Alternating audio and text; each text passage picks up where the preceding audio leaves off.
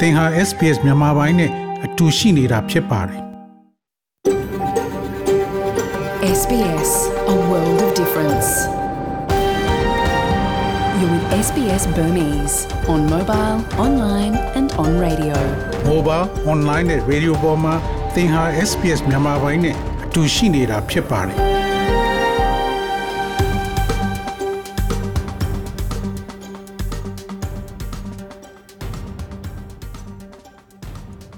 တော်ရရှိမြကျက်သေးမင်္ဂလာဖျားဖျားနဲ့ပြည့်စုံတော်မူကြပါစားခင်ဗျာဒီနေ့နိုဝင်ဘာလ30ရက်အင်္ဂါနေ့မြန်မာပိုင်းစီစဉ်များကို SPS Radio မှစတင်အသံလွှင့်နေပါရခင်ဗျာ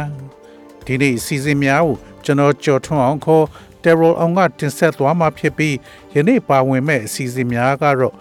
ဘာသာရေးခွဲခြားဆက်ဆံခြင်းဆိုင်ရာဥပဒေသစ်က Australian လူအဖွဲ့အစည်းကိုထိခိုက်စေနိုင်နေဆိုတဲ့ဆောင်းပါး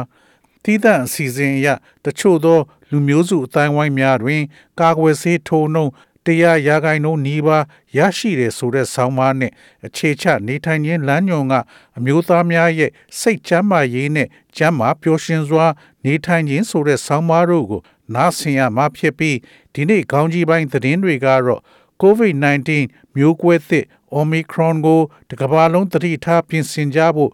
WHO ပြော virus အသစ်ကြောင့် Australia နေဆက်ဒေသဖွင့်လှစ်မှုနှောင့်နှေးနိုင်မန်ဒေးကမြမဆက်သွယ်ရေးယုံဘုံကွဲ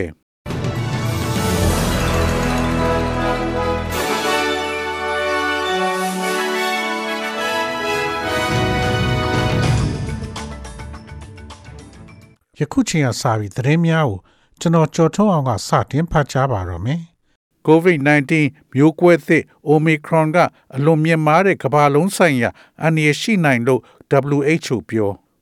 Coronavirus မျိုးကွဲသစ် Omicron ဟာကမ္ဘာတဝန်းကူးစက်ပြန့်နှံ့နိုင်ပွဲရှိနေသလိုအလွန်မြင့်မားတဲ့ကမ္ဘာလုံးဆိုင်ရာဘေးအန္တရာယ်တစ်ခုအဖြစ်ရှိနေကြောင်းနဲ့တချို့ဒေသမှာ COVID-19 ကူးစက်မှုဖြစ်စဉ်တွေမြင့်တက်မှုက ပြင်းထန်ကြီးလေးတဲ့အကျိုးဆက်တွေကို ဖြစ်စေနိုင်တယ်လို့ကမ္ဘာ့ကျန်းမာရေးအဖွဲ့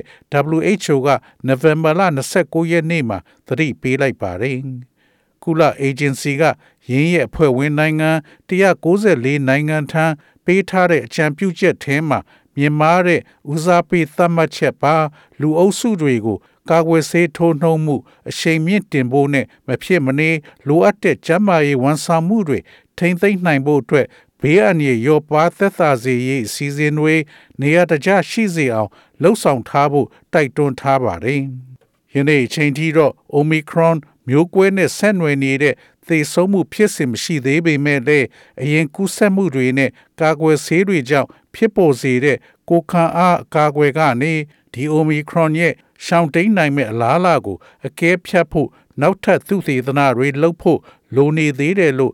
WHO ကပြောဆိုပါတယ်။ယင်းဟာလက်ရှိကမ္ဘာတဝန်းကူးစက်ပြန့်နှံ့ထားခဲ့ပြီး Netherlands, Denmark နဲ့ Australia တို့မှာလည်းကူးစက်မှုဖြစ်စဉ်အသစ်တွေတွေ့ရှိထားလို့နိုင်ငံအများပြားဟာလည်းရင်းမျိုးကွဲပြန့်နှံ့မှုကိုထိန်းချုပ်တားဆီးဖို့ခရီးသွားလာမှုပိတ်ပင်ကန့်သတ်ချက်တွေကိုချမှတ်ထားခဲ့ပါတယ်။ဂျပန်နိုင်ငံကလည်းရင်းရဲ့နေဆက်တွေမှာနိုင်ငံသားတွေဝင်ခွင့်ပိတ်ပင်သွားမယ်လို့ နိုဝင်ဘာလ29ရက်မှာပြောခဲ့ပြီးအစ္စရေးနိုင်ငံလိုပဲတင်းကျပ်တဲ့ပိတ်ပင်ကန့်သတ်ချက်စီမံတွေချမှတ်ခဲ့ပါတယ်။ virus အသစ်ကြောင့် Australia နေဆက်ဒေသဖွင့်လှစ်မှုနှောင့်နှေးနိုင်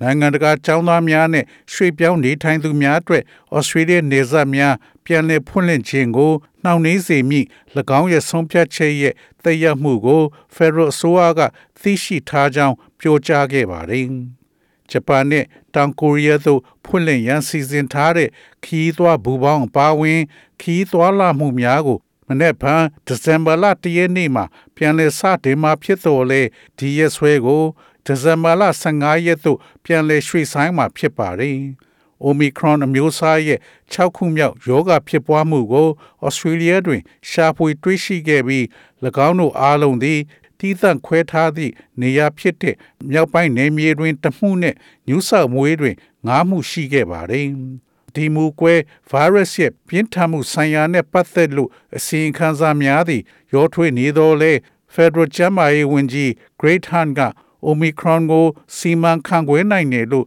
ပြောကြားခဲ့ပါတယ်။မန်လေးကမြမဆက်သွယ်ရေးယုံဘုံခွဲခံရမန်လေးမြို့ပြည်ကြီးတကွမြို့နယ် မင်းကြီးရန်အောင်လန်းကမြမဆက်သွယ်ရေး MPT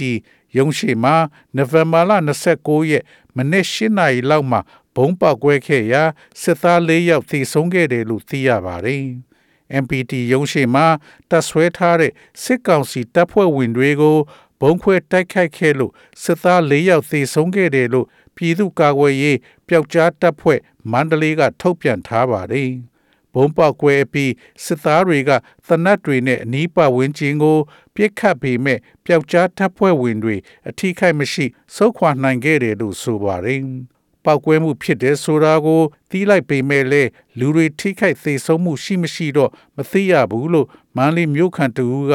RFA ကိုပြောဆိုပါတယ်။နိုဝင်ဘာလ24ရက်ကပြည်သူ့ကာကွယ်ရေးပျောက်ကြားတပ်ဖွဲ့ GZP ကမဟာအောင်မြေမြို့နယ်40တလန် ကုံစိမ်းဈေးတန်းမှာစစ်ကားတစ်စင်းဘုံနဲ့အပြစ်ခံရလို့ပောက်ခွဲကစစ်သား2ယောက်သေဆုံးခဲ့ပါတယ်။ပြီးခဲ့တဲ့နိုဝင်ဘာလ9ရက်နေ့ကလည်းမန္တလေးမြို့မဟာအောင်မြေမြို့နယ်တန်လျက်မော်အနောက်ကုံစိမ်းတန်းညာစီအနီးကင်းလှည့်နေတဲ့ရဲကားတစ်စီးဘုံခွဲတိုက်ခိုက်ခံခဲ့ရပါတယ်။ဥရောပကော်မရှင်နာကတောင်အာဖရိကကိုချီကျူဥရောပကော်မရှင်နာဥက္ကဋ္ဌ Ursula von der Leyen သည် COVID-19 ရဲ့ Omicron မျိုးကွဲအသစ်နှင့်ပတ်သက်သော အချက်လက်မျှဝေရာတွင် ပွင့်လင်းမြင်သာမှုနှင့်လျင်မြန်မှုတို့အတွက် တောင်အာဖရိကကိုကျေးဇူးတင်ရှိကြောင်း၎င်းသည် အသက်များကိုကယ်တင်ရန်နိုင်ငံတကာပူးပေါင်းဆောင်ရွက်မှုရဲ့စံနမူနာဖြစ်တယ်လို့ပြောကြားခဲ့ပါတယ်။ကျွန်ုပ်တို့ပြောနေစဉ်တွင်ကမ္ဘာအသိုက်ဝိုင်းသည် COVID-19 Omicron ရဲ့ကူးစက်နိုင်သော မြင်မာသော မျိုးကွဲသစ်တစ်ခုရဲ့ချိန်ချမှုနဲ့ရင်ဆိုင်နေရပါတယ်။ဒါကပထမဆုံး version တော့မဟုတ်ပါဘူး။ဒီတစ်ခေါက်တော့ကဘာကြီးကသင်ယူမှုရရှိထားပြီဖြစ်ကြောင်းပြသခဲ့ပါတယ်။တောင်အာဖရိကကခွဲခြားစိတ်ဖြာခြင်းလုပ်ငန်းနှင့်ပွင့်လင်းမြင်သာမှုနှင့်၎င်းရဲ့ရလဒ်များကို မျှဝေခြင်းသည်ကမ္ဘာလုံးဆိုင်ရာလျင်မြန်သောတုံ့ပြန်မှုကို ခွင့်ပြုရန်အတွက်မရှိမဖြစ်လိုအပ်ချက်ဖြစ်ပါတယ်။ ဩစတြေးလျအစိုးရငွေနဲ့မြန်မာစစ်တပ်ဆက်နွယ်တဲ့စစ်လက်နက်လုပ်ငန်းတချို့ပတ်သက်ဟု NUG ဝေဖန်ဩစတြေးလျအစိုးရရဲ့ယင်းဤမြုပ်နှံမှုရန်ပုံငွေတွေနဲ့ယင်းဤမြုပ်နှံမှုလုပ်နေတဲ့အထက်မြန်မာစစ်တပ်နဲ့ဆက်နွယ်မှုရှိတဲ့စစ်လက်နက်ထုတ်လုပ်တဲ့ကုမ္ပဏီတွေလည်းပါဝင်နေတယ်လို့ NUG ဂျာကာလာအမျိုးသားညီညွတ်ရေးအစိုးရကဝေဖန်ထောက်ပြလိုက်ပါတယ်။ Australia အစိုးရလက်အောက်ခံ Future Fund က ကြီးကြပ်ရင်းနှီးမြှုပ်နှံနေတဲ့ရမုံငွေဒေါ်လာ158သန်းထဲမှာမြန်မာစစ်တပ်ကိုတိုက်လင်ရင်တွေရောင်းချပေးနေတဲ့စစ်လက်နက်ထုတ်လုပ်ရေးကုမ္ပဏီအပါအဝင် အများပြည်သူယင်းဒီမြုပ်နှံနိုင်တဲ့ကုမ္ပဏီပေါင်း14ခုပါဝင်တဲ့ဆိုတာကို အများပြည်သူသတင်းအချက်လက်တွေလွတ်လပ်ခွင့်ရရှိရေးဆိုင်ရာဥပဒေ FOI ရတောင်းဆိုရရှိထားတဲ့အထောက်ထားတွေမှာတွေ့ရကြောင်းတက်ကြွလှုပ်ရှားသူတွေကပြောဆိုပါတယ်။ Future Fund အနေနဲ့မြန်မာပြည်သူတွေရဲ့ဆင်းရဲဒုက္ခခံစားမှုတွေပေါ်အကျိုးမြတ်ရယူခံစားနေတယ်လို့ NUG ရဲ့ဗန္ဒာရေးဝန်ကြီးဦးတင်ထွန်းနိုင်ကပြောတာကိုကိုးကားပြီး Australia အခြေစိုက် ABC သတင်းမှာဖော်ပြထားပါတယ် SBS SBS SBS SBS SBS This is SBS Radio.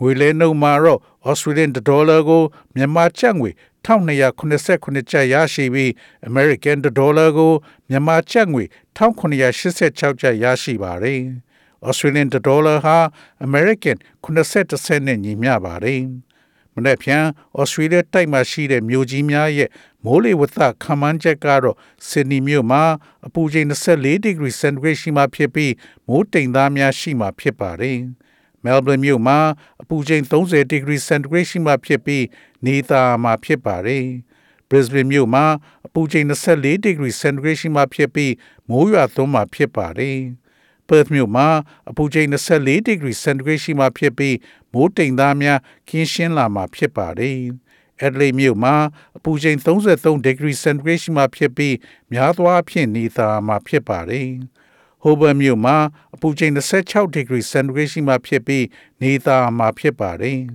ကင်ဘရာမြို့မှာအပူချိန်16 degree centigrade ရှိမှဖြစ်ပြီးမိုးတိမ်သားများအနည်းငယ်ရှိမှဖြစ်ပါတယ်။ဒါဝင်မြို့မှာအပူချိန်36 degree centigrade ရှိမှဖြစ်ပြီးများသောအားဖြင့်နေသားမှာဖြစ်ပါတယ်။ဤတွင်သတင်းများကိုကြီးညာလို့ပြီးပါပြီခင်ဗျာ။